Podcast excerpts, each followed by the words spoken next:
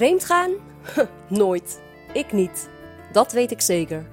Dit zijn de woorden van Nina, gelukkig getrouwd met Thijs. Toch loopt het anders. Lees het in De Affaire, verkeerd verbonden, van schrijfster Lydia van der Weijden. Waarschuwing. Als je erin begint, kun je niet meer stoppen. Alles is liefde. Deze story gaat over mij en mijn verboden liefde. Het is mijn eigen bijzondere levensverhaal, gelardeerd met mooie Nederlandse liedjes. Een muzikale en persoonlijke voorstelling over liefde, pijn, schuldgevoelens en geluk. Afscheid nemen en elkaar terugvinden. Want echte liefde overwint uiteindelijk alles.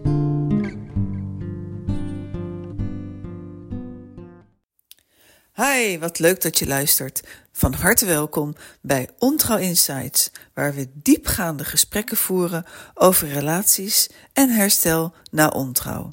Mijn naam is Annette Burgers, je host en de ontrouw-expert van Nederland.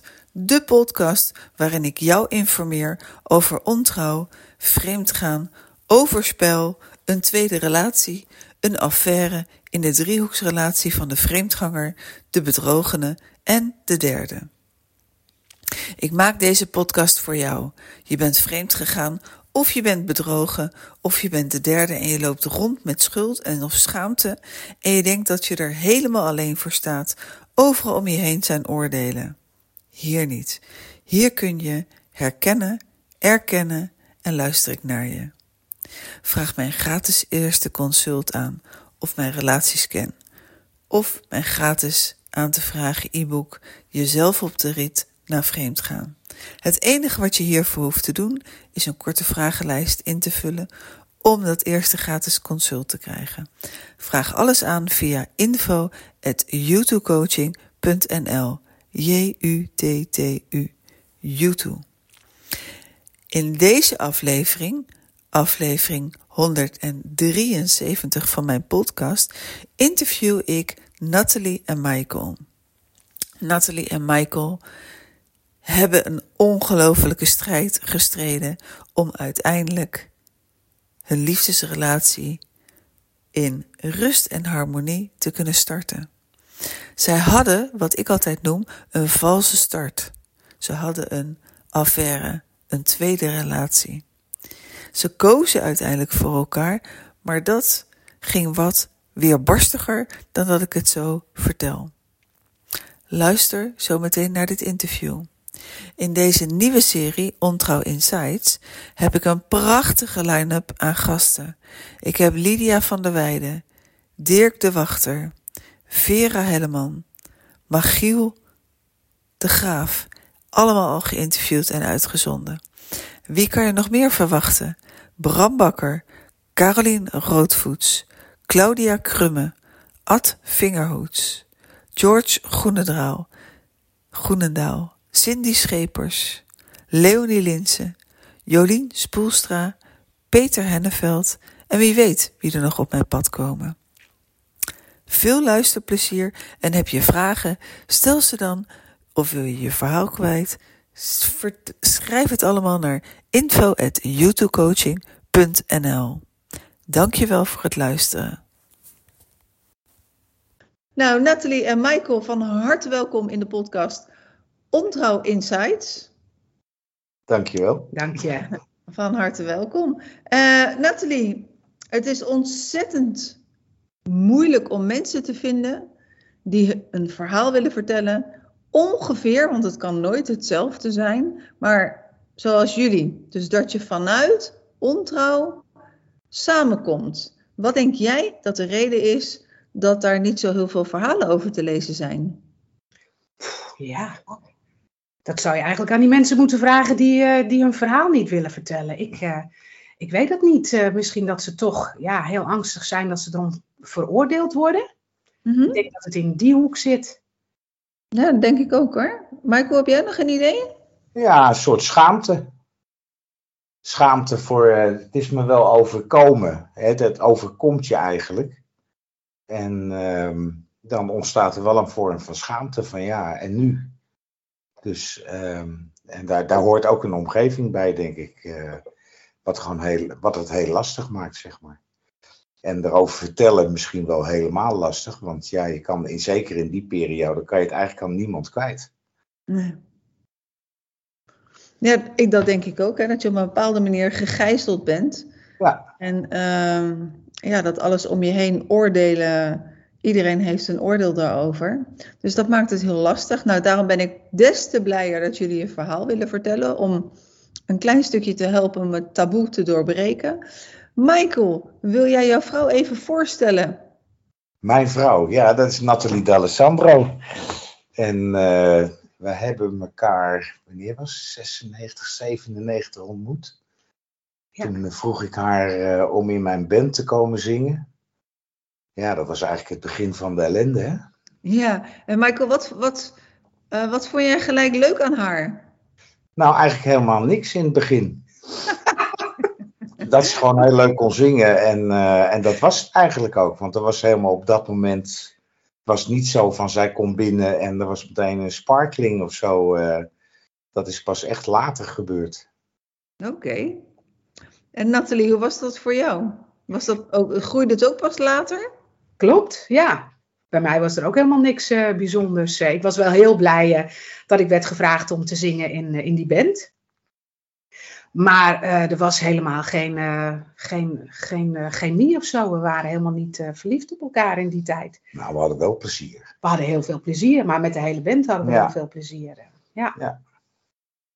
En nu hebben jullie een voorstelling, Alles is Liefde, waarover straks meer. Dus ergens is die liefde ontstaan. Michael, ja. weet jij nog wanneer, die, wanneer jij van top tot teen zo'n oh, boel. Wat zeg je? Ik zeg, dat weet ik nog precies. Vertel. Ja, dat was uh, zes, zes weken na de geboorte van mijn zoon. En toen werd ik knetter verliefd op Nathalie. En door de hormonen van de, van de bevalling zou je bijna zeggen? Nou ja, dat is iets voor de latere story, zeg ik. Maar uh, ik, dat overviel me gewoon. Ik, ik, het kwam in één keer op als een uh, bliksem. En, uh, en het was daar, punt. En ik had echt zoiets van, ja, nee, maar dit kan niet, joh. Dit kan echt niet. Ik ben net vader geworden. Kind is zes weken. Eigenlijk mijn ex wilde helemaal geen kinderen. Dus we hadden eerst een, uh, een miskraam. Nou, dat was misschien al een teken aan de wand. En, maar toen uiteindelijk was ze weer in verwachting. Nou ja, en mijn zoon was zes weken denk ik. Ja, en toen werd ik verliefd op jou. En niet heel kort, heel ver daarna, of heel kort daarna, werd jij ook verliefd op mij, volgens mij. Ja. En Michael, je, uh, je zegt ook van, ik weet het nog, hè. Jij werd verliefd op Nathalie. Weet je nog waar je was dat je het besefte? Nou ja, wij reden in die tijd altijd, ik haalde haar altijd op. Naar optredens en repetities. En volgens mij was, waren we onderweg naar een, een optreden en uh, stond ik op het podium. En, uh, en toen was het, nou, net wat ik zeg, als een soort bliksemschicht zo van pats. Er was in één keer dat hele heftige gevoel. En uh, dus ik denk dat het op, uiteindelijk op het podium is geweest. Volgens mij was het moment dat ik toen een keer een zwarte hoed op had, die avond. Weet je nog? Oh, dat zou heel goed ja. kunnen. Ja. Toen begon jij die zwarte hoed af te pakken. Oh ja. ja. Oh, dus het is toch uh, meisjes vragen, zoentjes vragen. Ja, nou, precies. Precies. nou, dat, dat vertel dat ik precies ook in, in mijn voorstelling. Klopt. precies klopt. die zin. Ja. Ja. ja, heel bizar. En Nathalie, ja. uh, merkte jij het gelijk? Hoe was het voor jou? Nou, ik wist niet dat hij verliefd op me was, maar ik had op datzelfde moment, dat met die hoed, die avond, had ik ook hele sterke gevoelens. Dat je, ja, ik, ik herkende het helemaal niet als dat ik verliefd was. En uh, ik wist ook niet goed wat ik ermee aan moest. En we hebben dat ook helemaal niet naar elkaar uitgesproken. Dat is pas, ik denk, uh, nou, meer dan een half jaar daarna of zo hebben we dat pas, hebben dat pas aan elkaar verteld en toegegeven.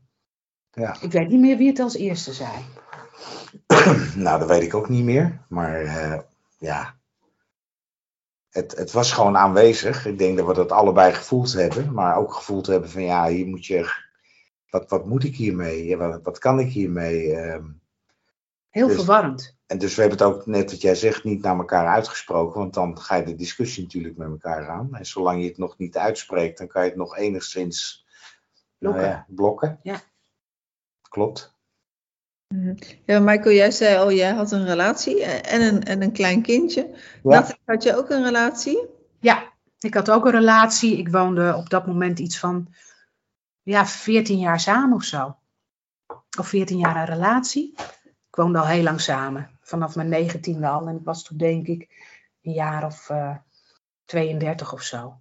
Denk ik. Of 28, hoe oud was Nee, je ik? was jonger, 26 Was jonger, was, 26 was je. Ja, ik had al vanaf mijn zeventiende een relatie, een vaste relatie. Goede relatie, er was eigenlijk niks mis mee. En daar woon ik vanaf mijn negentiende mee samen.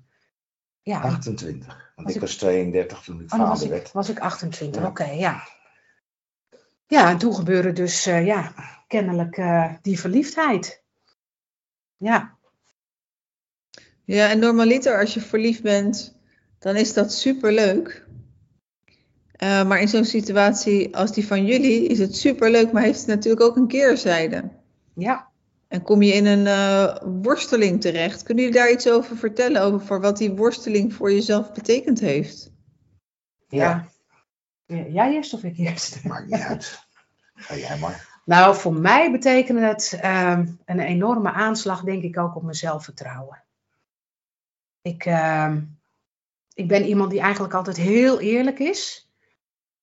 En eh, die zelf heel veel moeite heeft met mensen die niet eerlijk zijn. En nu was ik zelf, eh, ja, niet meer eerlijk. Ik ging, eh, wat, hè, ga ik nu even wat verder in de tijd. Op een gegeven moment hadden we elkaar toegegeven, dus dat we verliefd waren. En toen hebben we daar als het ware ook, ja, zijn we er gehoor aan gaan geven, stapje voor stapje. En ja, ik kon mezelf ook niet meer in de ogen aankijken. Dus ik heb daar in die zin mezelf, eh, ja, heb, ik heb het mezelf echt heel lastig eh, gemaakt. Ja, door, eh, door eraan toe te geven. Ja, dat heb ik echt nog lang nadat ik de relatie beëindigd heb met mijn ex, heb ik daar echt nog last van gehad. Ja, en eh, heb je inmiddels, ben je alle schuld kwijt of is er nog steeds een paar kilo of een restje schuld wat je draagt? Hmm, nou, misschien onbewust dat er nog wel steeds een restje schuld is. Maar ik heb wel heel veel eh, doorleefd. En ik denk ook doordat we nu bezig zijn met die voorstelling, Alles is Liefde. En dat ik een, een aantal jaar geleden ook een paar keer hierover geïnterviewd ben. Dat dat ook wel mee heeft geholpen aan eh, het verwerkingsproces. Dus zoveel jaren later nog. Ja. Dus ehm, ja, er zal nog steeds wel een restje schuld eh, zitten, maar die, eh, die beheerst mijn dag niet meer, laat ik het zo zeggen. Maar dat was in die tijd wel zo. Ja. Mm, Dankjewel. Michael, kan jij iets zeggen over de innerlijke strijd? Ja, bij mij was die denk ik een stuk groter. Ehm, misschien moet ik nog, nog een stapje terug eh, gaan. eh, zeg maar, ik ben natuurlijk twintig jaar getrouwd geweest met mijn ex. En achteraf, maar dat is nu achteraf eh, praten, had, had ik dat misschien nooit moeten doen. En ik denk dat zij hetzelfde erover dacht. Ehm, dus we hadden toen de tijd een beetje het idee van, nou, dat kind dat geeft gewoon een nieuwe vorm aan ons leven. Ja, en toen was hij er. Eigenlijk door het aandringen van mij, omdat mijn ex eigenlijk helemaal niet zo stond te springen om kinderen te krijgen. Ja, en toen was hij er uiteindelijk. En ehm, ja, dan word ik verliefd. Dus ik voelde me daar natuurlijk enorm schuldig onder. Van ja, jij wilde dat kind. En eh, nou, die verwijten heb ik natuurlijk later ook wel gekregen. En in die tijd eh, ja, word je verliefd. Aan de andere kant eh, ja, gaat er ook een soort, hoe noem je zoiets? Ehm, dat je je, je je ene kant schuldig voelt, maar ook je verantwoordelijkheid wil nemen naar de daden. In de zin van je wordt vader en dan kan je ook niet weglopen. Ehm, ik voelde toen ook heel sterk, omdat mijn ex eigenlijk geen kinderen wilde, van ik moet er voor dat kind zijn. Ja, en als ik nu na zes weken kom van nou schat, ik heb een verrassing voor je. Ja, dat, dat, dat was natuurlijk, dat vrat aan me aan alle kanten. Maar ja, goed, aan de andere kant, net wat jij ook zei, eh, die verliefdheid, die, eh, die, eh, ja, die was aan de andere kant natuurlijk. Dus die Ja. weegschaal ging steeds van links naar rechts. En dat is iets eh, ja, waar je mee moet dealen, waar je eigenlijk niet mee kan dealen. Want als ik bij Nathalie was, ja, dan was het helemaal wat ik wilde hebben. En was ik thuis, dan, eh, dan had je schaamte en denk je, ja, hoe, hoe ga ik eruit komen? Ik zit in een soort, in een soort fuik waar ik niet meer weg kan gewoon. En ik wil mijn verantwoordelijkheden nemen. Maar eigenlijk, ja, als ik met Nathalie verder wil, dan moet ik die verantwoordelijkheden loslaten. En dan? Ja, dan uh, ik wil dat uh, Jochie ook niet tekort doen. En die moeder, uh, ja, die wilde eigenlijk geen moeder worden. Dus ik moet er eigenlijk wel voor hem zijn. En ja, dan krijg je honderdduizend vragen. Die het gewoon heel erg lastig maken om dan, nou ja, zeg maar je gevoel of je, je verliefdheid te volgen, zeg maar. En later kwam daar ook nog overheen dat ik dacht van ja, waarom is me dit eigenlijk overkomen? Zat ik niet lekker in mijn huwelijk? Uh, was het gras groener bij de buurvrouw, om het maar zo te zeggen? Dus dan, dat proces, dat is echt, dat heeft bij mij wel tien jaar geduurd. Het is een mooie vraag ook, Michael. Waarom is me dit eigenlijk overkomen? Heb je daar ook een antwoord op gevonden? Ja, nu wel, uh, denk ik wel. Want wat ik al zei, van toen ik voor het altaar de eerste keer stond, had ik echt twijfels om ja te zeggen. En eigenlijk had ik toen naar mijn gevoel en mijn intuïtie moeten luisteren. Dat heb ik toen niet gedaan. En dat is dan heel vaak door omgevingsfactoren. Die dan uh, ja, toch een hele zware dobber uh, op je geven. Om, uh, ja, denk ik, nou kom op. Het, maar eigenlijk als ik echt in mijn hart kijk, had ik toen gewoon dat niet moeten doen. Mm. Het was een perfecte, ja, moet ik zeggen, heb ik wel eens gezegd van, mijn ex was uh, in die periode wel heel erg goed voor mij. Want ik was carrière aan het maken. Ze regelde alles. Ik hoefde me nooit erg zorgen over te maken. Ik kon echt full speed gaan uh, waar ik voor wilde gaan. En uiteindelijk heb ik gezegd van ja, lief schat. Uh, ik word er niet gelukkig van als jij elke morgen mijn overhemd staat te strijken. Want dan kan ik net zo goed zelf. Of ik huur er een hulp voor in, snap je? Ik heb liever een aai over mijn bol. Maar die kreeg ik niet. En dat is misschien wel een beetje zoals ik me toen ook voelde. Zo van, ja, datgene wat ik nodig had, dat kreeg ik niet. Maar ik durf ook te zeggen, dat heb ik later tegen haar ook gezegd. Uh, jij verdient ook iemand die jou dat geluk gaat uh, geven. Dus laten we niet een enorme strijd gaan voeren. ik gun jou jouw geluk, want ik kan je dat kennelijk niet geven. En ik heb andere dingen nodig dan jij mij kan geven. Zonder daarover te willen veroordelen. maar gewoon elkaar het geluk gunnen. Nou, daar zit uiteindelijk denk ik de oplossing van het verhaal. Zeker. Uh, Nathalie, jij bent op een gegeven moment uh, naar huis gegaan en heb je het op, opgebiecht? Of ben je betrapt? Geen van beide eigenlijk. Mijn ex heeft wel uh, diverse keren gevraagd uh, ja, of er iets was. En dat waren ook wel eens momenten waarop dat niet zo leuk was. Michael die was er dus was er ook een keer, bij betrokken. Toen hadden ze echt een enorme ja, ruzie. Hè? En um, we hebben het, uh, ja, ik heb het nooit toegegeven of nooit gezegd. Michael heeft het toen ook niet toegegeven. En er was op een gegeven moment uh, ja, weer een, een avond waarop hij me ja, weer vroeg. Koninginnedag. Ja, ja. Ik weet het nog goed. Ja, ja. wij waren met z'n allen in een, in een café met uh, Michaels vrouw erbij en mijn, uh, mijn vriend erbij. En uh, nou ja, wij liepen naar huis, mijn ex en ik. En toen, toen had hij het erover. Nou, ik weet niet of hij zei van, ja, bedrieg je mij? Maar hij zei wel, dit kan zo niet langer. Nou, ik durf het nog sterker te stellen. Wij, wij hadden de afspraak geïnitieerd om naar de kroeg te gaan. Dan konden we elkaar zien. Mhm. Maar uiteindelijk heeft jouw ex en mijn ex, die zijn met elkaar gaan praten. Oh, en daar kwam naar voren van, uh, ja, nou, ik, heb het al, ik vertrouw het allemaal niet. En, uh, dat is waar ook, ja.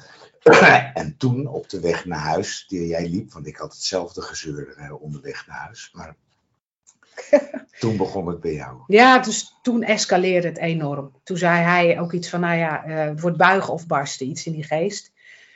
En toen dacht ik van, ja, dan moet het hier nu gewoon ook stoppen. Dus toen heb ik gezegd van ja, dan, dan, uh, dan verbreken we onze relatie.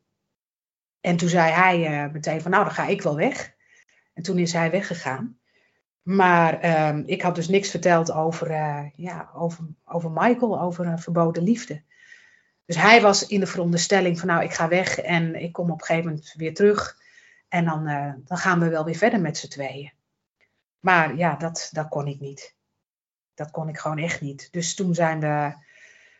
Toen hij terug wilde komen, zei ik van nou, het gaat niet meer samen, dus dan ga ik weg. Dus toen ben ik weggegaan. Kwam hij weer terug in ons huis. En nog heeft hij, ik denk toen, toen nog zeker. Een jaar. Ja, in totaal heeft hij wel een jaar lang geprobeerd om mij eh, terug, te, terug te winnen, zeg maar. En al die tijd heb ik, eh, ja, heb ik het afgehouden. Dus dat heeft heel lang geduurd voordat, eh, ja, voordat hij ook accepteerde dat ik, ja, dat ik echt geen relatie meer met hem wilde hebben. Dat vond ik heel moeilijk hoor, om, om dat te zeggen. Want ja, hij was gewoon een hele goede man, daar zat niks, geen kwaads bij. Hij deed ook allerlei lieve dingen uh, om mij maar terug te winnen. En ik moest iedere keer maar, of moest, dat, deed, dat moest ik van mezelf. Ik durfde het voor mezelf niet te zeggen, maar ik vond het voor hem ook heel moeilijk om te vertellen dat ik een bedrogen had.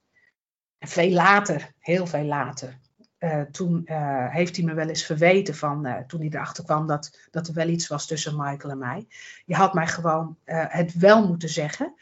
Um, want ik had recht om mijn eigen verdriet te verwerken. En dat, en dat heb je me nu ontnomen door, of dat had je me ontnomen door mij dat niet te vertellen. En ja, daar heeft hij natuurlijk gelijk in. Ik had het gewoon wel zelf moeten zeggen, maar ja, ik, ik durfde het niet. Ik kon het gewoon niet over mijn lippen verkrijgen. Ik vond het gewoon vreselijk wat ik deed. En wat ik net al zei, van ik ben zelf iemand die heel eerlijk is. Dus ja, ik kon mezelf gewoon niet meer recht in de ogen aankijken. Ja, ik weet niet of dat een antwoord is op de vraag. Zeker wel, zeker wel. Uh, maar uiteindelijk dus op die bewuste konings, Koninginnedag was het waarschijnlijk. Ja, was toen was het nog koning. Koninginnedag, ja. Uh, nou, toen was jij vrij. Uh, en wat deed dat met jou, Michael? Nog niet eens. Dat legt, jij...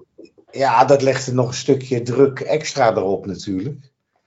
Kijk, ik had me voorgenomen, even los van, los van de verliefdheid, ik denk er moet ergens een oplossing komen. En die oplossing moet er zijn dat ik moet, ik moet twee dingen proberen voor elkaar te krijgen. Dat is echt, eh, of nou misschien is het nog wel drie dingen. Is echt als, ik heb het echt gevoeld als jong leren, maar heel zwaar jong leren, met basketballen denk ik. Aan de ene kant wilde ik er gewoon voor mijn kind zijn. Daar had ik een keuze voor gemaakt. Het tweede wat ik wist, als ik nu zou zeggen op dat moment tegen mijn ex van nou ik ben verliefd op iemand anders geworden, dan was ze helemaal door het lint gegaan en misschien had ze mijn kind wel meegenomen, maar ze was gewoon niet echt een goede moeder. Ze wilde ook geen moeder zijn. Dus ik voelde gewoon een enorme drang, ik moet bij dat jochie blijven om te zorgen dat hij goed op weg gaat en de liefde krijgt die hij moet hebben.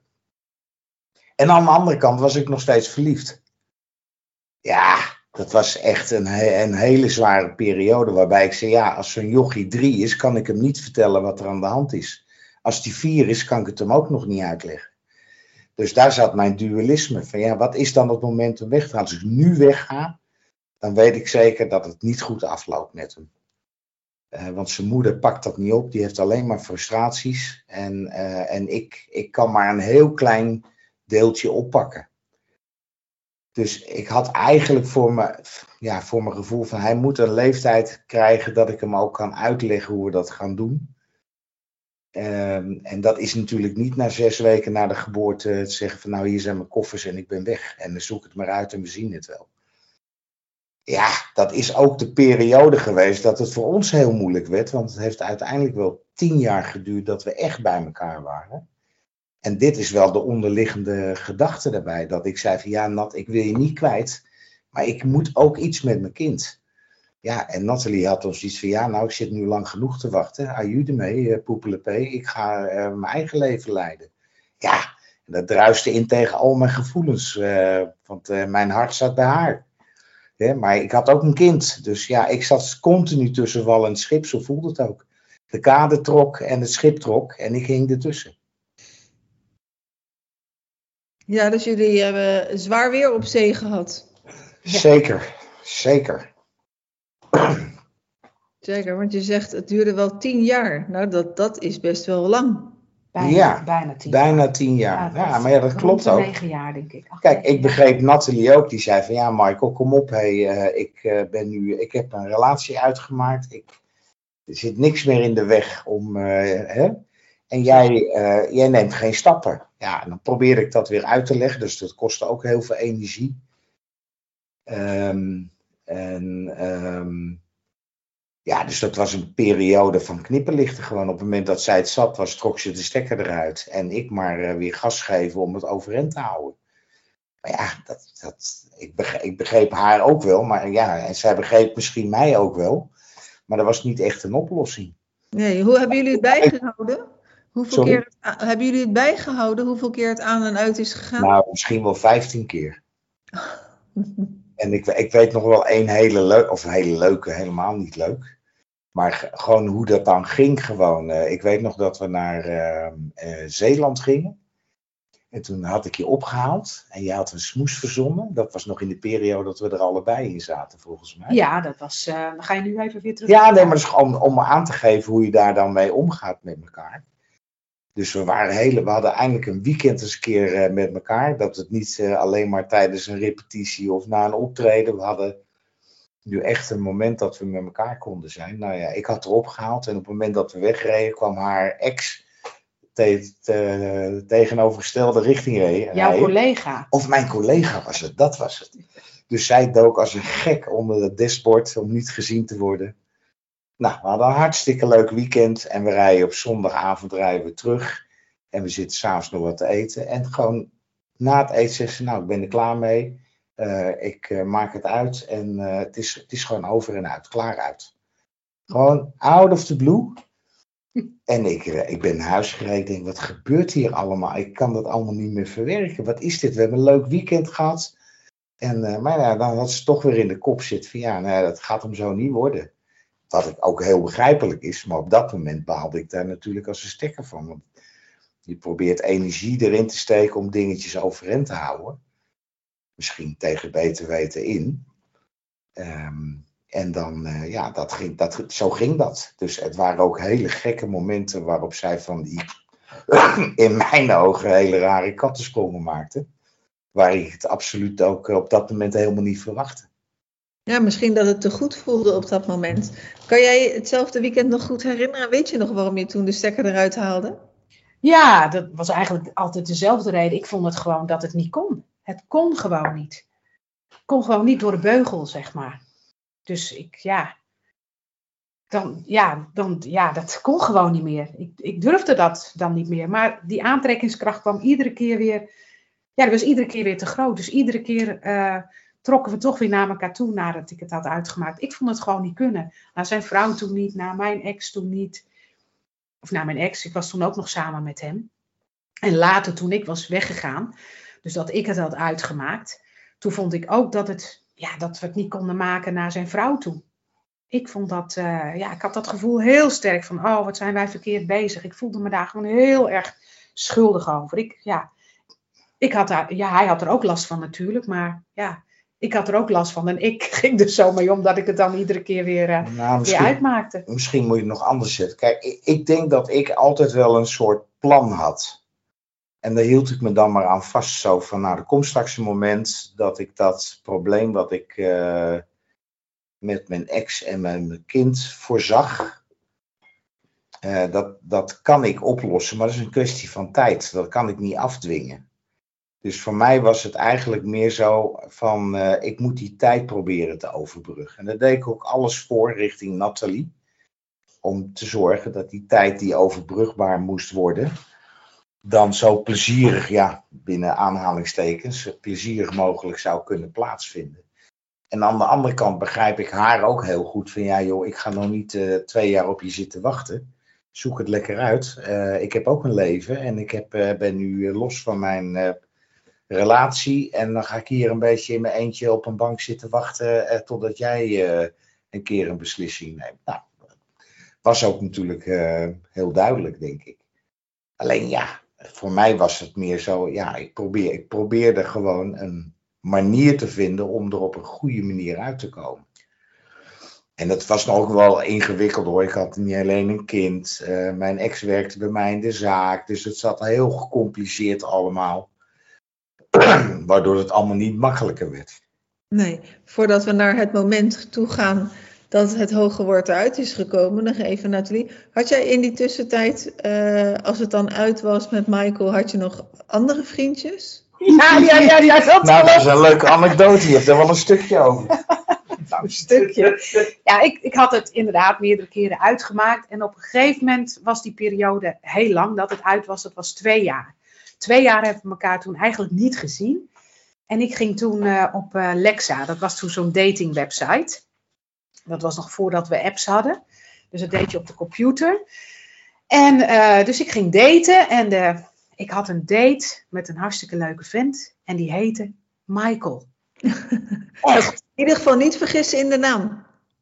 Ik kon me niet vergissen in de naam. En dus nou, daar had ik een tijdje mee gedate. En volgens mij was het die Michael, want ik had later eh, nog weer. Toen ging ik met die Michael eh, op een gegeven moment naar het café. En daar is, nou deze Michael was daar aan het optreden. En dus ja, we kijken elkaar aan en het was echt een soort van ja, bliksemschietsfeer. Hij eh, vertelde me later dat hij helemaal niet meer kon spelen. Dat hij helemaal in shock was. Dat ik daar met een andere man was. Maar goed, eh, ja, het was uit tussen eh, deze Michael en mij. En toen met die date van Lexa, die Michael, daar ging het ook weer mee uit. Dus ik weer Lexa op, weer verder daten. En de volgende met wie ik een date had, met wie ik dus een relatie kreeg, heette, die heette weer Michael. Nou, echt heel bizar. Ik denk, wat is dit? Nou, ook een hartstikke leuke vent. Tijdje gewoon hartstikke gezellig mee gehad. Maar goed, ook daar ging het weer mee uit. En dus ja, ik heb zo nog een paar dates gehad. Maar twee van die jongens, dat waren dus Michaels, waar ik echt langere tijd uh, mee gedate heb. En toen stond hij dus op een gegeven moment plotseling, out of the blue, stond hij voor mijn deur. 2006, 2007. Dat was januari 2007. Ja. Ja, weet ik nog precies. Ja. En wat maakte dat dat, een, uh, dat, dat, dat dat moment ineens na zoveel jaar tot stand kwam, Michael? Nou ja, heel simpel. Ik denk dat toen het moment was dat ik ook die stap durfde te nemen. Uh, waarbij ik het gevoel had dat ik uh, mijn zoon kon uitleggen wat er aan de hand was. Want die was inmiddels dan tien? Nee, nee, die was 7, 8. Volgens mij 8 of 7 of 8. Uh, dan was hij 8. Ik denk dat hij 8 was. Hij was 8. En uh, ja, nee, hij was 8. Klopt. En, uh, en toen had ik zoiets van, nou, nu heeft hij een leeftijd dat ik met hem kan communiceren. Hij zal niet alles begrijpen. Um, nou, en eigenlijk liep het ook precies zoals ik het verwacht had. Dat uh, toen op het moment dat ik uh, thuis zei van, nou, hier stopt het. Zei ze, nou, uh, dan moet je je spullen maar pakken en neem Jasper ook maar mee, want die hoef ik niet meer te zien. Dat was eigenlijk wat ik mijn hele, die hele periode al zo voelde. Mm. En toen heb ik gezegd, ja, maar dat gaan we niet doen. Dat kind heeft een moeder en een vader nodig. Dus we gaan maar co-ouderschap opzetten. Hij komt een week bij mij en hij komt een week bij jou. That's it. En, uh, en we moeten proberen het beste voor dat jochie eruit te slepen.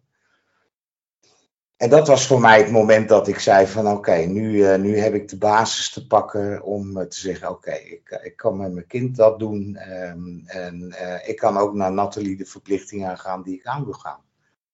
Nou, toen stond ik voor de deur. Wow. En toen zei ze, je komt er niet in. Ja, net zeggen. En de deur werd niet met vol ornaat gelijk open gedaan. Wel nee, ik Absoluut moest lullen als brugman om naar binnen te komen. Ja. Toch? Ja, ik zei echt van, je komt er niet in, wat doe jij hier? Ja. En toen, uh, ja, inderdaad, hij kon, ja, hij kan lullen als brugman. En uiteindelijk, ja, na een heel gesprek aan die deur, toen trapte ik er eigenlijk toch in en liet ik hem binnen. En ja, dat was natuurlijk helemaal niet goed, want uiteindelijk, ja, volgens mij is hij meteen blijven slapen. Hij is nog wel een paar nachtjes bij een vriend wezen logeren, maar hij kwam eigenlijk meteen ja, bij mij wonen was helemaal de bedoeling niet. En op een gegeven moment nam hij dus ook na een week of zo, uh, kwam hij met zijn zoon aan. Dus die was hier ook. Dus dat, ja, dat kon gewoon niet goed gaan. Hij zat midden in die scheiding. Zijn ex wist helemaal niet waar hij was. Die dacht dat hij geloof ik bij een vriend was. Dus, en die wist ook niet van, van mijn bestaan. Of ja, ze wist wel natuurlijk van mijn bestaan. Maar niet dat, dat, wij, uh, dat we samen waren. Dus dat ging helemaal uh, mis. Dat, uh, toen zijn we weer na... Nou, half jaar. Na een half jaar zei jij, heel, ja, dat heel voor mij out dingen. of the blue. Nou ja, voor maar, mij was het out of the blue. Zei jij van nou, het is toch beter dat ik op mezelf ga wonen. Ja, inderdaad, dat is beter. Maar ik had me juist weer helemaal ingesteld op. Dus toen kreeg ik weer, ik denk, nou weet je, ga, ja, flikker maar op, zei ik. Dan ga je maar gewoon lekker op jezelf wonen. Maar ik ga niet, niet nog weer een keer uh, ja, een heel circus uh, optuigen. Nou, dat was het was gewoon te snel in de zin, uh, er was een nieuwe situatie. En ik had nog niet eens de situatie onder controle met mijn eigen kind. En ik was al bezig met de volgende fase. Ja, dat was echt dom. Ja. Dus dat was gewoon dom. Alleen ja, je volgt dan je hart en denkt, nou, hier komt wel een oplossing. En het is gewoon een hartstikke lieve vrouw. En uh, dat komt wel goed met het kindje.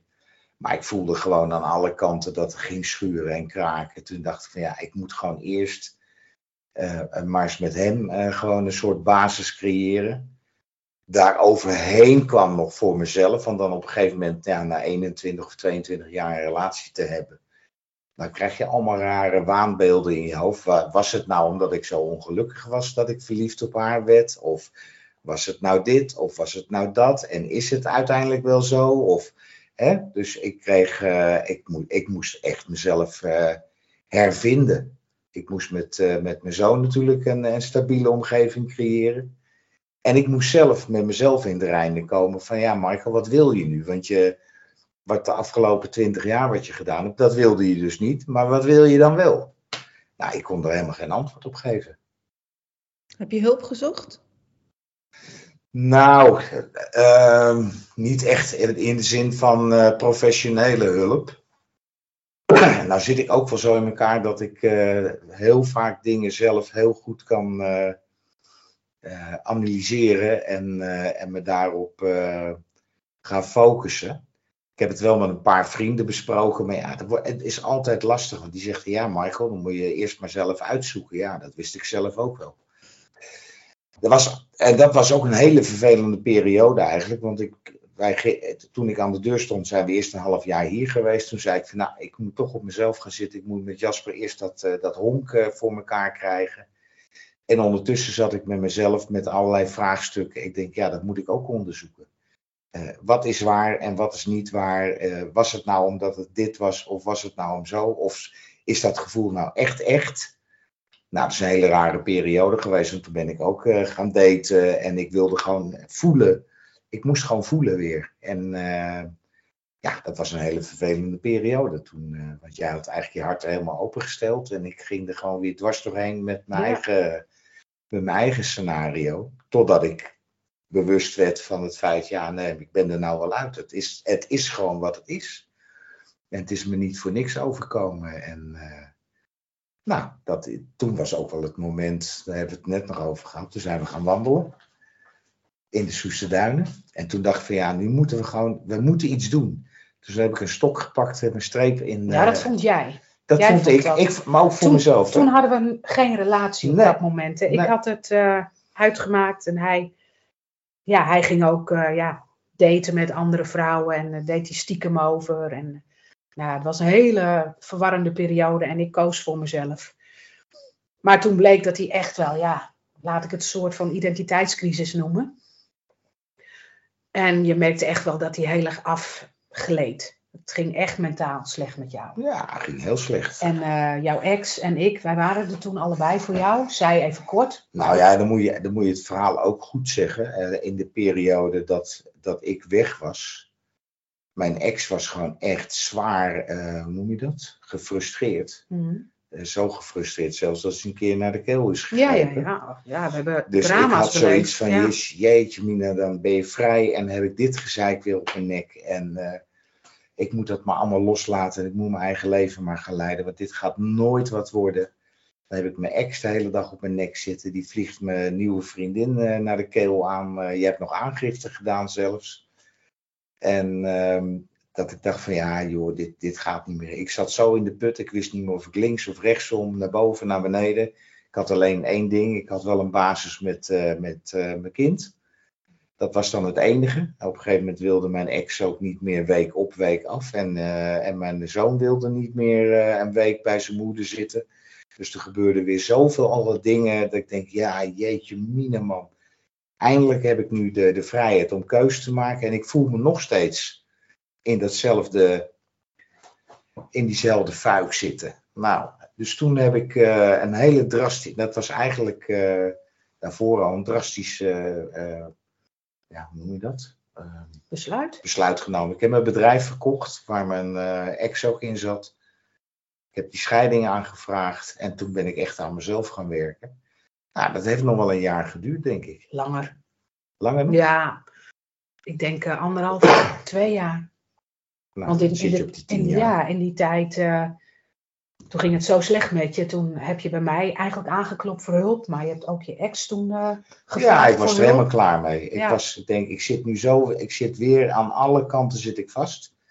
Hier moet een oplossing komen. Dus toen heb ik eh, en mijn ex en Nathalie bij mij thuis uitgenodigd en gezegd, jongens, ik ben er helemaal klaar mee. Als ik morgen voor de spoorboom sta, vind ik het ook goed. En het is klaar en dan zoek jullie het maar uit.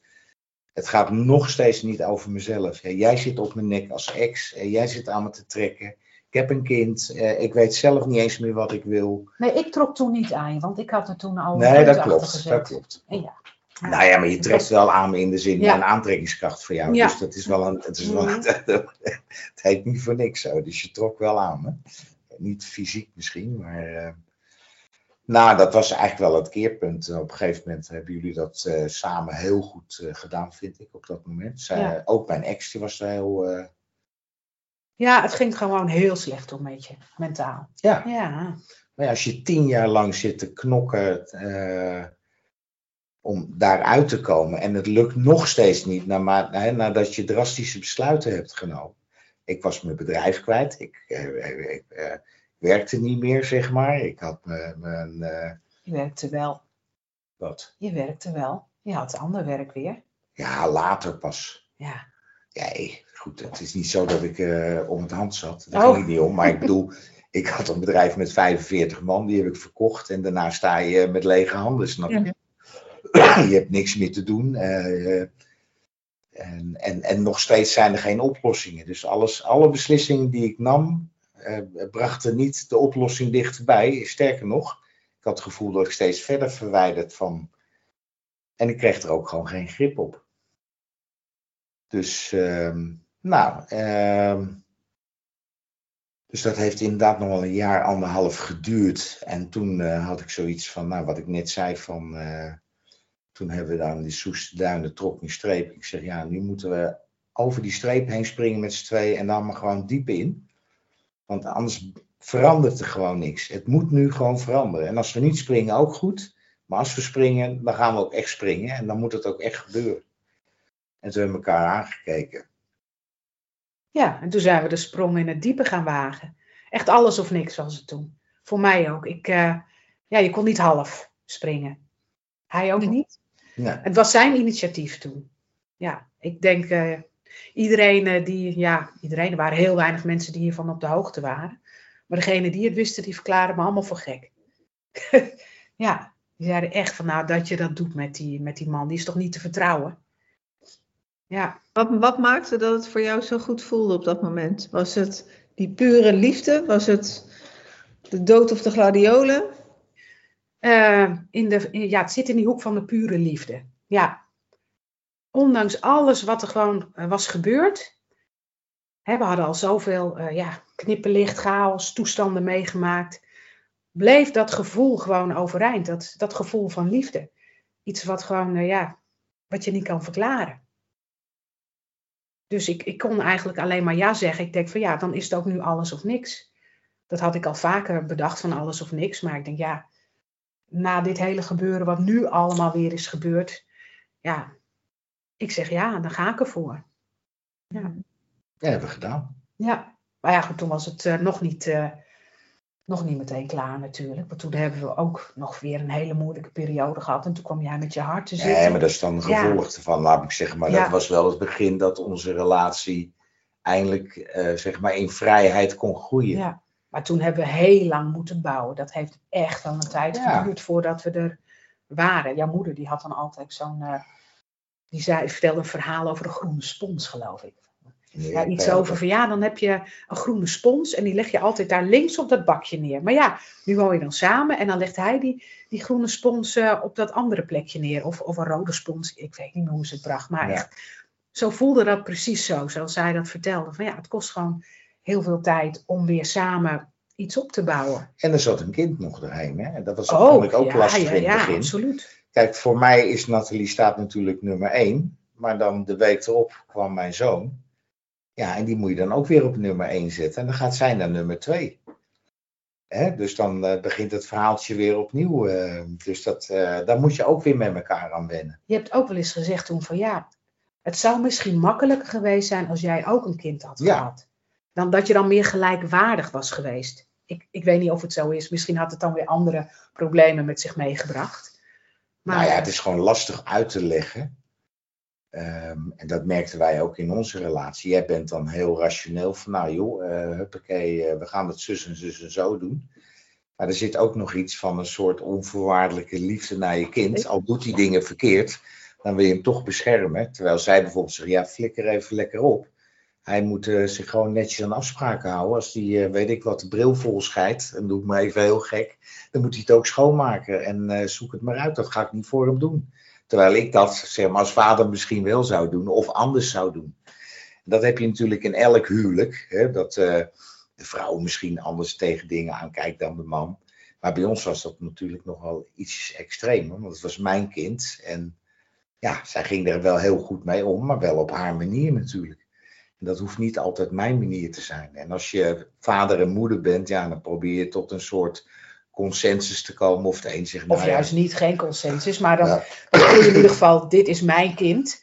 En daar heb ik alles over te zeggen. Of je nou, Nou, vader ja. bent of moeder. Maar ik had er dan niks over te zeggen. Terwijl het kind wel in mijn eh, huis eh, woonde, in ons leven was. En dus ook, ja, vond ik dat ik daar ook wat over te zeggen had. Maar dat was precies anders als dat Michael dan vond dat de dingen moesten. Dus ik had eh, niks te zeggen eigenlijk daarover. Jullie hadden daar niet echt eh, heel goede afspraken over gemaakt. Nou, dat, dat, wat zij zegt, dingen moeten groeien. Hè? Dus eh, wat mijn moeder zei, van dat sponsje links of rechts van de, van de kraan neer te leggen. Het kost toch, zeker eh, ook omdat je ouder bent, je hebt allebei een rugtasje, je hebt allemaal je gewoontes. Eh, eh, ik, ik, ik zal een mooi voorbeeld noemen. Eh, eh, bij mijn ex maakte het niet uit of mijn witte t-shirt nou binnenste buiten in de wasmand lag. En die kwam netjes eh, weer met de buitenkant naar boven eh, gestreken en wel eens lag hij in mijn kast, snap je? En toen kwam ik bij Nathalie en dan deed ik hem binnenste buiten in de wasmand. En dan kreeg ik op een frommeltje, kreeg ik een Ah, binnenste... nou ja, nou, bij ja, wijze ja. van, jij, jij, jij vouwde hem gewoon even zo op, binnenste buiten en flikkerde dat in mijn kast. Oh, nou, het Nee, ligt dat het is een voorbeeld gewoon. Het is gewoon een leuk voorbeeld, toch? Dat ik dacht, wat de fuck, joh. Je kan toch dat ding even binnenste... Ja, ik ga een je, beetje al je, je vergeet ook één heel belangrijk ding. Ehm, dat je ex andere afspraken had met je zoon als dat jij Ja. en, ik met Ja, hem hadden. tuurlijk. Dus dat was ook nog lastig voor Nou ja, het dat- kind zelf natuurlijk. En waar je dan als, ja, als Michael en Nathalie ook weer mee te maken hebt. Van, ja, en dat zal, ik denk, ieder, eh, ieder hoe moet je het zeggen, eh, eh, gezin met samengestelde kinderen. Hoe noem je dat? Samengestelde. Ja, samengesteld gezin. Ik heb er Ja. heel veel in mijn praktijk. En ik Ja. ben zelf ook eh, onderdeel van een samengesteld gezin. Eh, dus ik weet er alles van. Dus iedereen komt, komt, komt dat tegen. En Ja. er zijn eh, uiteindelijk hele mooie ja, technieken, tactieken noem ik het altijd. Ik noem een samengesteld gezin echt een, eh, een topsport. Ja. Waarbij je te maken hebt met, eh, jullie zijn, hè, jullie geven leiding aan, aan de hele vereniging, zeg maar. En eh, uiteindelijk is het van, hoe sta je naast elkaar? Sta je schouder aan schouder, hand in hand? Of kan een ex of kan een kind daar een wig in drijven? Ja, En welke technieken en tactieken kan je daar gebruiken? En dan is het ook nog eens van superbelang eh, hoe het gaat met je gezondheid, mentaal en fysiek. Hè, Nou, want kan anders ik je er wel wat over vertellen. Want toen we uiteindelijk eh, dus waren gesprongen en zeiden, nou gaat het echt gebeuren. Toen gingen we voor het eerst op vakantie met z'n drieën in Italië. Ja, Toch? Italië met z'n drietjes. En ja. ik ging boodschappen doen en het was, wij zaten op vrij hoge camping. Hadden we zo'n, ja, eh, met bergen een beetje zo. Ja. En ik was boodschap gaan doen en ik kon de heuvel niet meer opkomen. Na twee minuten, ik, al mijn armen helemaal verlamd en ik ben op een eh, steen gaan zitten. Ik denk, wat is er aan de hand, joh? Ik denk, nou, dat is niet goed. Maar goed, niks zeggen, naar boven, boodschappen sjouwen. De volgende dag weer hetzelfde, gebeurde weer hetzelfde. In het zwembad. Met was je in zoon. ja, ik was in het zwembad. Ik was met mijn zoon een balletje aan het gooien. En ik zit midden in dat zwembad. En ik kan mijn armen niet meer bewegen. Dus ik zeg tegen mijn zoon van... eh, wedden dat je papa niet naar de kant kan eh, duwen. Want ik denk, ik, ik kom niet meer naar de kant toe. En toen heb ik vijf minuten op de kant zo met mijn elleboog gelegen. Totdat het allemaal weer wegtrok. En toen dacht ik van ja, nou moet ik toch even eh, iets gaan vermelden. Want dit gaat niet goed. Dus toen heb ik Nathalie eh, uiteindelijk geïnformeerd. En een vriend van mij gebeld, die cardioloog is. Die zei, ja Michael, dit is niet goed. Je moet als een speer naar Florence toe. Want dit gaat niet goed. Ik denk, ja, maar dat ga ik niet doen. Ik ben voor het eerst op vakantie met mijn kind. Met eh, Nat. En dan lig ik straks in Florence in het ziekenhuis. En hoe moet dat dan allemaal weer? Dus die stress die kwam als een eh, soort warme deken over me heen. ik zeg, dat gaan we niet doen. En eh, in die periode we zijn twee weken in Italië geweest. En nog een aantal dagen in eh, Oostenrijk. Ik geloof dat ik tien hartaanvallen heb gehad. En toen kwamen we thuis en toen zouden we gaan verhuizen. Of we waren aan het We verhuizen. waren aan het verhuizen, direct na de vakantie. Ja. Jij, zou hier, jij kwam hierbij inwonen. Ja, dus Ja. mijn- appartement moest eh, verhuisd worden. De spullen uit mijn appartement moesten weg. Ja. En toen zat ik hier s'morgens om negen uur voor de zoveelste keer. En toen werd jij kwaad. Ja, want je zei, ik heb zo'n pijn. Hij had nog niks gedaan. Hij was gewoon in rust. Ik was uit bed gekomen, zat een kopje koffie te drinken. Ja, het was half acht. Nou ja, ik denk dat is niet goed natuurlijk. En je had wel al een afspraak gemaakt bij een cardioloog. Maar ja, dan kan je pas over zoveel weken terecht. Nou, ik had niet gezegd wat er aan de hand was. Ik wil graag een afspraak maken. Nou, toen ben ik zo boos geworden. Ik denk van, we moeten nu naar het ziekenhuis. En toen eh, zei ik van, ik ga bellen. Nee, hij zei, dan bel ik zelf wel. Om te vertellen wat ik voel. En toen zei ze, nou, ik moet nu naar het ziekenhuis komen. Nu meteen. Moet Dus- een ambulance sturen? Nee, jij rijdt. Nee, er hoeft geen ambulance, zei hij. Nou, echt. Annette, het is bizar dat hij nog leeft. hè. Zijn, eh, hij werd meteen daar op de brancard in het ziekenhuis. Ging meteen testen. Nou ja, lang verhaal kort. De hele ochtend onderzoeken. En toen bleek aan één kant zijn hart, zijn kransslagader, helemaal dicht te zitten. En de andere kant was 80 tot 90, 80 tot Nee, 90 procent 80%. dicht. Ja. Dus eh, ze zeiden toen meteen van ja, je hebt vier of vijf bypasses nodig nu. Dus je moet blijven liggen na de katheterisatie. Dus dan heb je zo'n eh, zo'n onderzoek in je, in, je, of in je slagader, in je lies gehad. We gaan dat eh, morgen of overmorgen meteen doen. We gaan het nog wel eventjes bespreken in het hartteam. Maar eh, ja, u moet hier blijven liggen op de intensive care. Tja. Nou, dat was onze thuiskomst toen na Ja. onze vakantie met z'n drietjes. Over conditie gesproken. Exact. Precies. Mm, En alles kwam, eh, kwam eruit van de afgelopen tien jaar. Ja, dat kan ik me zeker voorstellen. Ja, Wat is uiteindelijk, ik denk dat ik het antwoord al weet hoor, maar eh, wat is jullie succesformule? Wat, welke ingrediënten? Nou, want uiteindelijk, jullie zitten hier bij elkaar, jullie zijn overal doorheen gekomen. Het is geen makkelijke weg geweest, maar wat heeft ervoor gezorgd dat jullie die eindstreep met z'n tweeën hebben nou, gehaald? dat, dat kan ik wel zeggen, denk ik. Ehm, en dan ga ik proberen het heel kort te doen. Eh, toen Nathalie met haar ex die relatie kreeg, had ze echt behoefte aan stabiliteit. En dat kreeg ze ook. En wat ons heeft gebracht, is dat ze een enorme prikkel nodig had om gewoon eh, te, te gaan bloeien, zeg maar. En aan de andere kant had ik gewoon nodig om mezelf te kunnen zijn en de warmte te voelen. Eh, en dat zijn wel, denk ik, de twee ingrediënten waar we heel erg goed op weg kunnen. Dus dat betekent gewoon eh, aan de ene kant het prikkelen van elkaar. ehm, en aan de andere kant de warmte en de liefde die we hebben voor elkaar. Ja, die is gewoon, die, dat is gewoon mega. Maar ook wel doorzetten. Bedoel, eh, jij nee, hebt ook wel eens gezegd, ik had het veel eerder ja, op kunnen geven, zeg maar. Ja, Dus ehm, nee, ja, doorzettingsvermogen toch ook wel. Nou ja, als, ik- als ik niet zo eh, aanhoudend was geweest, dan denk ik, eh, even los van mijn gevoel, misschien had dat was dat gaan slijten of zo. Ja, had je hier niet aan de deur gestaan toen, hè, toen ik Nee. je niet binnen wilde Nou, dat laten was niet eigenlijk. gebeurd en Ja. ook de- daarna niet. Dus het is, maar zo gaan we ook nog wel steeds met elkaar om. Dat we, we prikkelen elkaar, we stimuleren elkaar.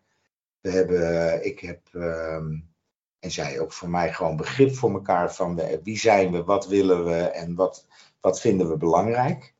En dat gaat lang niet altijd, uh, moet je dat zeggen, zonder slag of stoot. Dus wij, Nee. wij kunnen echt enorm knallen hoor. Poeh. Dat is Ja, eh, ja, wij ja. Kunnen, nee, we kunnen duidelijk naar elkaar Ja. zijn. dat andere mensen soms wel iets, iets hebben.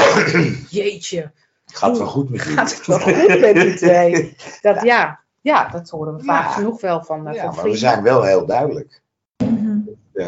Eh, ik denk dat dat ook wel de basis is. Dat je, nou, zo voel ik dat. Ik wil, maar kan en mag ook gewoon mezelf zijn. Hè, met alle beperkingen en leuke en minder leuke dingen misschien. En aan de andere kant eh, ben ik ook onvoorwaardelijk, denk ik, naar Nathalie. Door te zeggen van ja. Ik zei gisteren nog eens leuk op de bank. Ik zeg, je mag toch alles? Oh, zegt ze, mag ik alles? Ik zeg, ja, natuurlijk mag. Dat is wel heel veel, denk ik. Toen zegt ze van, eh, dat is wel heel veel, weet je dat wel zeker? Ik zeg, nou, natuurlijk mag jij alles. Als je nou iets heel graag wil, of iets leuks vindt, of, eh, ja, dan mag je dat toch? Je moet toch, eh, je moet toch ook, je, je hebt naast een relatie, heb je er ook nog een eigen ik. Mhm. Met, met verlangens of dingen, of het nou een hobby is of iets anders. Of dat je iets, iets leuks wilt doen. Of dat je bepaalde tijd wil besteden aan dingen. Dat, dat moet je toch ook blijven doen. En dat moet je, Ja, moet je daar niet beperkt in voelen. Nee. Maar de vraag was natuurlijk of er kaders eh, in jouw, in jouw eh, alles verhaal zat, zit. Nou ja, wij, zijn- wij zijn een beetje yin-yang eigenlijk gewoon, zeg ik altijd. Van we, we, we, we, kunnen eh, enorm kletsen in de zin van nou, hart op hart. En aan de andere kant weten we heel goed de, de, de goede vibe te pakken om met elkaar verder eh, te kunnen en te groeien. Mhm. En dat zien we ook wel. En we hebben, ik heb ook het gevoel, als zij een keer hard tegen mij is, dan vind ik dat misschien primair niet leuk. Maar secundair denk ik, ja, verdorie, die meid heeft toch ook gewoon weer gelijk gewoon. Verdorie, dan moet ik er wel even wat aan doen. En dat maakt het ook bij ons wel heel erg mooi. Dus aan de ene kant is het heel liefdevol, heel warm. Aan de andere kant schromen we ook niet om elkaar gewoon de waarheid te zeggen. Michael, als je nu terugkijkt hè, en eh, naar jezelf, en met de kennis van nu, Ja, wat zou je dan anders hebben gedaan? oh, Kan je één of twee momenten noemen? Ja, ik kan één moment opnoemen. Ik had gewoon, de, eh, eh, hoe zwaar of hoe ingewikkeld het ook was geweest. Ik denk dat ik gewoon toen ik verliefd werd daar gehoor aan had moeten geven. En, ehm, en dan was uiteindelijk misschien met eh, mijn zoon was het ook wel goed gekomen. En dan misschien was mijn ex eh, iets meer gefrustreerd geweest dan dat ze later was. Maar ja, ehm, ehm, ik denk niet dat dat eh, een heel groot verschil had gemaakt. Dat gevoel zat veel meer bij mij als verantwoordelijkheidsgevoel, zeg maar. Waar ik niet mee kon dealen. Mhm. Maar achteraf denk ik, ja, is me dat allemaal waard geweest? Ik heb tien jaar lang moeten sleuren en trekken om Nathalie bij me te houden. Met alle ups en downs en uitmaken en weer verder en weer uitmaken en noem maar op. En alle ellende. En eigenlijk, en dan kom je tot een stukje negativiteit, heb ik ook mijn ex eigenlijk iets ontnomen. In de zin om gewoon zelf ook gelukkig te worden. Maar die was zo resoluut, op een gegeven moment zelfs wist ze van de relatie. En toch wilde ze het niet loslaten, snap je? Dus, maar achteraf ehm, gezien had ik gewoon moeten zeggen: nee, hier stopt het. Jij, jij verdient het om gelukkig te worden, want dat ga je niet met mij meer worden. En ik verdien ook mijn eigen geluk, whatever it may be. Mhm. En ehm, ja, dan zou ik dat anders gedaan hebben. Maar toen voelde dat als een zwaard eh, van Damocles boven mijn hoofd. En ik kon, die, eh, ik kon dat gewoon niet, niet handelen. Ik denk, dat kind is er, verdorie man. eh, kom op Michael. Ja, en dan voel je hele andere dingen. Maar achteraf eh, had ik dat anders moeten doen. Dan was het ook anders bij ons gegaan. Ik denk dat we dan ook... Nou, ik denk dat wij ook nog wel kinderen hadden gehad. En dan was misschien zo'n samengesteld gezin heel anders gaan lopen. Dan nu een kind van mij, waar zij moest mee dealen. Of eh, waar hij mee moest dealen. Ja, dankjewel. Ja. Ja. Nathalie, heb jij ook iets wat jij anders zou hebben gedaan met de kennis van nu? Ehm, ja, ik denk dat ik ook eerder uit eh, mijn relatie eh, gestapt eh, zou zijn. Ja, ik wilde dat eigenlijk toen al wel heel snel, omdat het gevoel zo sterk was voor Michael. Alleen werd de vader van mijn ex toen heel ernstig ziek. En die, ja, mijn, mijn ex-schoonvader, dat was een hele, ja, voor mij ook een hele bijzondere man.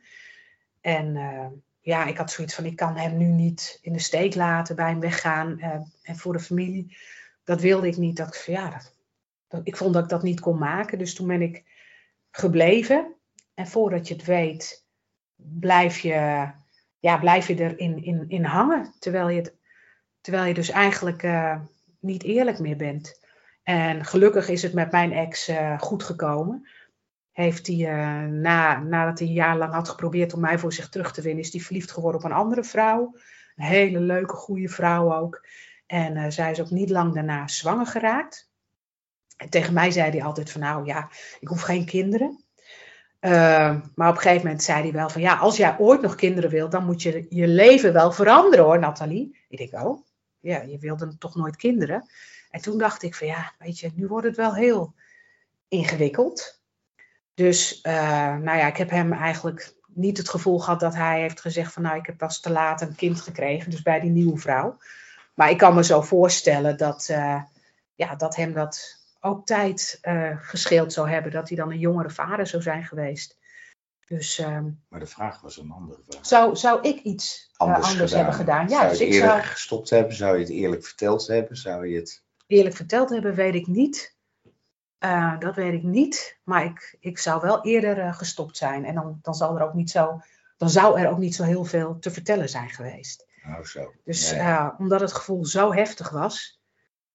En ik zeg niet dat je meteen als je zo'n heftig gevoel hebt je relatie moet opgeven. Maar Nee, maar dat is natuurlijk Ja. ook een fase. Je krijgt dat gevoel ja, en dan ga je En, en ik vraag me ook af hoor, eh, kijk, of, ja, ik had het hem toe moeten vertellen toen ik de relatie verbrak. Want dan had hij meteen er ook een punt achter kunnen zetten. En had hij niet een jaar lang eh, geprobeerd mij eh, voor zich terug te winnen.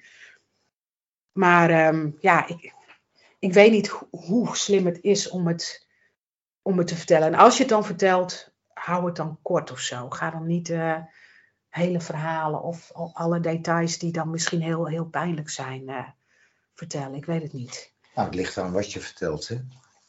Ja, Kijk, als je vertelt van eh, ik ga bij je weg, want ik ben verliefd op iemand anders, dan is dat heel pijnlijk natuurlijk. ja, Maar als je zegt van eh, joh, eh, ik ga deze relatie beëindigen, want ik heb gewoon het gevoel dat ik, voor mij andere dingen nu ja, belangrijker worden in een relatie die ik hier niet in kan vinden. En Ja, even los van maar dat is dan ook niet eerlijk. Nou ja, eigenlijk wel. Want dan gaat iemand ook denken van, oh, eh, het voelt niet zo als iemand echt weet, nee, hij of zij is verliefd op een Ja, maar ander. het is ook niet goed alleen maar op een verliefdheid weg te gaan. Hè?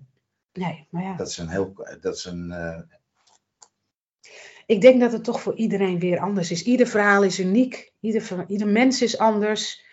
En eh, iedere periode in je leven is ook anders. eh. Ja, maar dit, ik, laat ik daar, en daar sluit ik dan denk ik mee af. Dat gevoel wat mij toen overkwam was zo heftig, dat heb ik nog nooit in mijn leven gevoeld. ja, dat had ik ook. Het emotioneert me nog. Ja, ik zie het. Ja. Nou, dat, is, dat is zeker een mooie afsluiter. Ehm 1 à 2 procent, slechts 1 à 2 procent van de mensen die vreemd gaan, kiezen uiteindelijk om een relatie aan te gaan met degene met wie ze vreemd gaan. Ja, Dat is het enige cijfer wat min of meer bekend is. Er is geen cijfer bekend van die mensen die een relatie aangaan en die bij die 1 à 2 procent horen, hoe succesvol die relaties zijn.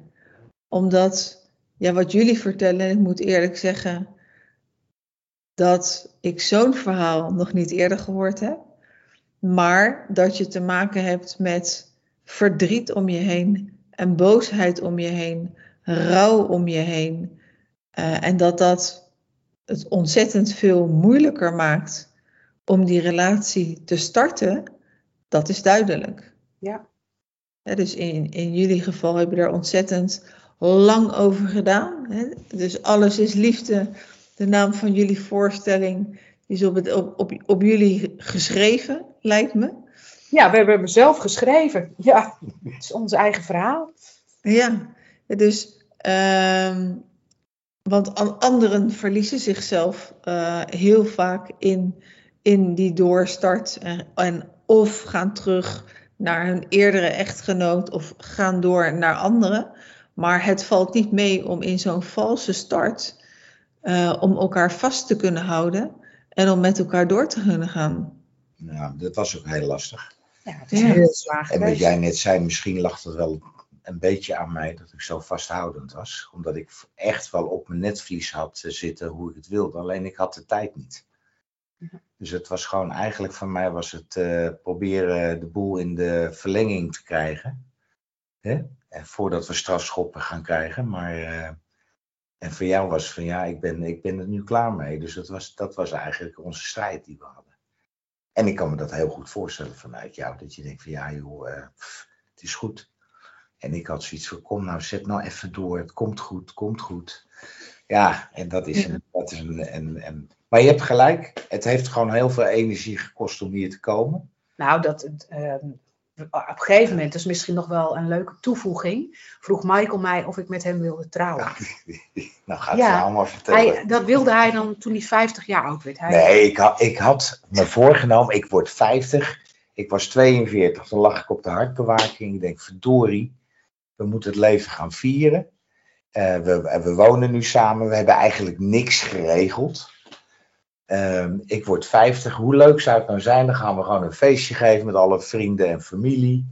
En dan uh, hebben we als klap op de vuurpijl dat we dan op die avond gaan trouwen met elkaar. En dat wilde hij mij niet van tevoren vertellen. Nou, eigenlijk had ik dat als had, verrassing ja. willen doen. Ik denk, ga een babs ga ik regelen. En dan vraag ik haar ten huwelijk op het podium. En er is toevallig een babs. En ik denk, we hebben alles geregeld. Hoef je geen samenlevingsovereenkomst, geen testen meer. Nou, noem alles maar op ik dacht, ja, ik ken Nathalie een beetje. Die moet je niet misschien zo voor het blok gaan zetten. Dus ik dacht, ik ga er toch een tipje van de sluier geven. Nou, dat heb ik geweten. Ze zei, no way, dit gaan we niet doen. Ja, zo nou, nou, jawel, je was vrij duidelijk erin. Nee, dat voelde zo niet goed voor mij, Annette. Mm. Ik had al uh, eigenlijk heel lang voor mijn gevoel uh, achter het gordijn of in de coulissen gestaan uh, als metafoor. Ja, je wilt als zangeres hij... voorop staan natuurlijk. Hè? en hij ging zijn vijftigste verjaardag vieren, waar hij dan al zijn mensen voor ging uitnodigen. En dan zou hij dus mij daar plotsklaps uh, op het podium ten huwelijk vragen, moesten vragen. Ik voelde mij weer als een soort van ja, vijfde wiel aan de wagen. Het voelde gewoon niet alsof het dan om ons beiden ging. Nee, ook op zijn verjaardag. Dus ik zei, ja, nee, sorry nee, dat wil ik niet. Ik wil dan niet trouwen. En toen was hij echt best wel geschokt natuurlijk. Hij heeft dat hele feest uh, voor zijn vijftigste verjaardag meteen gecanceld. Ja. En uh, hij zei ook van, uh, ja, als jij ooit nog wilt trouwen, dan moet je mij maar vragen.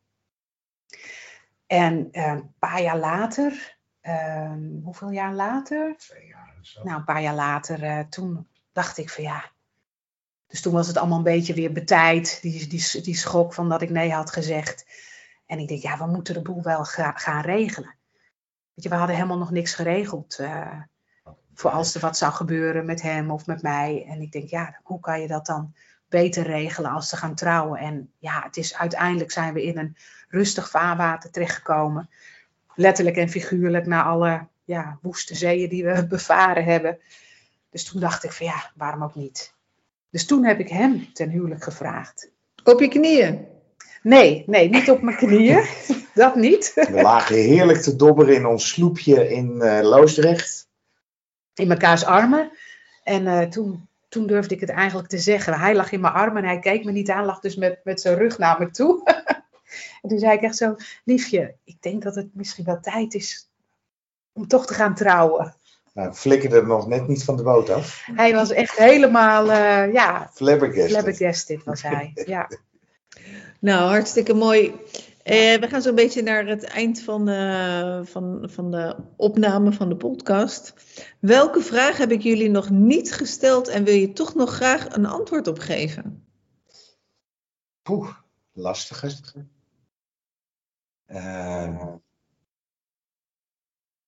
ja, er zijn zoveel dingen, denk ik. Uh... Nou ja, de, de vraag die je zou kunnen stellen, als je echt zo verliefd wordt zoals wij verliefd zijn geworden, um, uh, is het dan waard om daar dan zo lang voor te vechten? En ik denk dat ik er alleen maar volmondig ja voor eh, op kan zeggen. Eh, want als dat gevoel zo diep zit, zoals dat bij. Wij zijn nu twintig jaar verder. Joh, veel langer. Veel langer nog zelfs. En dat nou, gevoel, veel langer? Ja, 25 jaar. Ja, Ja. ja. zoiets 22. Langer 3, dan. Ja, 25. 25 al? Ja, Jeetje. sinds, sinds, eh, sinds 98. Ja, 98. Ja, nou, zijn we een end op Ja, weg, inderdaad. 25. Nou ja, voor mij is dat nog steeds volmondig ja. Want het gevoel wat ik toen had, heb ik nog steeds. Die vlindertjes zijn wel iets kleiner geworden. Maar dat is logisch natuurlijk. Dat is je beginfase. Maar wij zijn... eh, van de week was ik een avondje weg. En toen kwam zij alleen thuis. En toen zei ze, nou, ik vind het zo raar om alleen thuis te zijn. Wij zijn zo gewend aan elkaar. We hebben natuurlijk samen een bedrijf. We spelen muziek. We zijn altijd met elkaar bezig. Dat anderen zeggen, word je er nooit eens gek van? Nou, voor mij voelt dat gewoon als tijd inhalen, zeg maar. Alles wat we gemist hebben, kunnen we nu maximaal eh, benutten. En dat doen we eigenlijk ook. Hmm, mooi.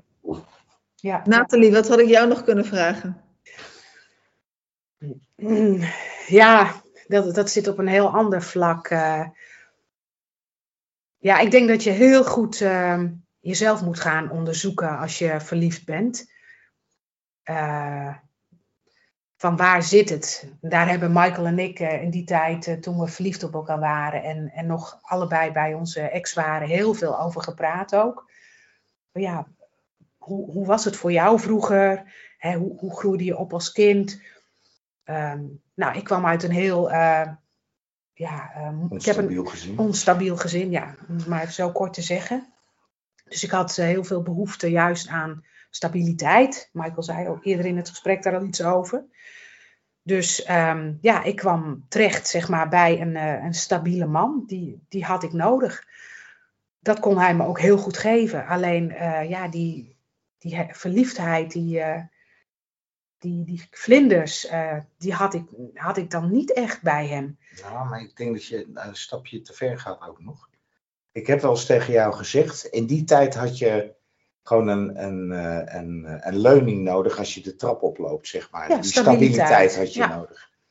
En toen je uiteindelijk zover was dat je gewoon op je eigen benen kon staan, had je behoefte aan andere dingen. Ja. En of dat nou prikkels zijn geweest, of verliefdheid, of andere inspiraties nodig. En waarschijnlijk heb je dat uiteindelijk toen gevonden in Ja. een andere persoon. Ja. Nou, in dit geval ben ik dat geweest. Ja, dus ik, eh, ja, dus ik eh, ben daar gelukkig eh, achter gekomen door veel met Michael te praten.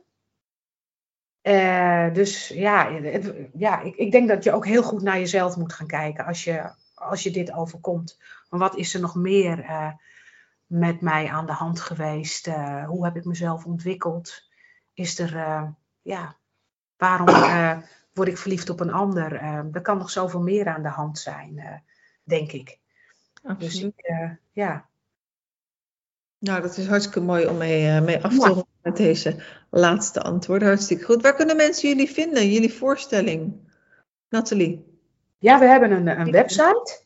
Dus daar kunnen ze ons, eh, ons vinden. Die heet eh, Duo Two Delicious. En Two een tweetje. Van dat met twee mensen zijn op zijn Engels uitgesproken T-O-O. Maar je schrijft het, eh, het cijfer 2. En Delicious eh, op zijn Engels geschreven. Duo Delicious.nl. En daar hebben we ook een, eh, een tabblad dat heet informatie. En daar hebben we on tour ook bij staan. En als we dan openbare optredens hebben, zoals de show Alles is Liefde, dan kan je dat daar vinden. En hebben ook heel veel besloten optredens. Zoals morgen hebben we de, de voorstelling besloten, dus daar kan niet iedereen naartoe. Dus je kan altijd een, eh, ja, eventjes contact met me opnemen door eh, me te bellen of te appen. Of het contactformulier eh, in te sturen. En ja, dan kunnen we op die manier misschien uitwisselen waar we, waar we elkaar kunnen zien of spreken. Hè? Zeker. Ja, want we hebben ook wel voor mensen thuis de voorstellingen gedaan die, die ook iets dergelijks hadden meegemaakt. En die vonden dat heel mooi om dat dan eh, ja, thuis te doen. Dus dat doen we Ja, ook. En we ja. zijn bezig nu om in de kleine theaters te Ja. gaan. eh, Ja. ja, dus duo2delicious.nl, daar kan je ons vinden. Nou, superleuk. Michael en Nathalie, ontzettend bedankt voor eh, jullie eh, tijd, jullie bijzondere verhaal. En rest mij nog om jullie ontzettend veel geluk en liefde toe te wensen. Dat het vanaf nu hè, alleen nog maar eh, hetzelfde stukje of hetzelfde traject en dezelfde flow met liefde is. Ja, nou, dat, uh, dat gaat we wel voor. lukken. Dankjewel. En ik wens eh, ja, alle luisteraars die in een eh, ja, soortgelijk dilemma zitten, dat die geholpen zijn met, eh, met ons verhaal. Ja, En willen ze nog meer weten, dan, eh, dan laten ze lekker naar de voorstelling Alles is Liefde komen. Daar vertellen we nog meer in. Dus wie weet eh, dat we nog wat voor ze kunnen betekenen. Voor al je luisteraars heel veel ja, geluk, wijsheid en liefde gewenst. nou dankjewel, dank jullie wel. Graag Dank. gedaan. Alles is liefde. Deze story gaat over mij en mijn verboden liefde. Het is mijn eigen bijzondere levensverhaal, gelardeerd met mooie Nederlandse liedjes. Een muzikale en persoonlijke voorstelling over liefde, pijn, schuldgevoelens en geluk. Afscheid nemen en elkaar terugvinden. Want echte liefde overwint uiteindelijk alles.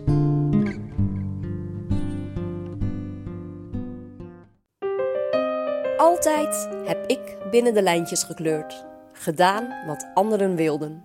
Wat anderen van mij verwachten. Nu kies ik voor mezelf. Eén keer. Eén keertje maar. Dit is wat Nina uit het boek De Affaire tegen zichzelf zegt wanneer ze verliefd wordt op een andere man. Vreemdgaan? Het was iets dat ze altijd sterk veroordeelde. Iets wat zij nooit zou doen. Ben je gek? Ze is toch gelukkig met Thijs? Toch gaat ze de grens over en dat blijkt een point of no return. De affaire van Lydia van der Weijden is een levensecht verhaal over wat het betekent om vreemd te gaan. Het biedt herkenning en inzichten en zet de lezer aan het denken. Wat zou jij doen als je Nina was? Het boek De Affaire, met als ondertitel Verkeerd Verbonden, is voor 15 euro te koop op bol.com. Waarschuwing. Als je erin begint, kun je niet meer stoppen.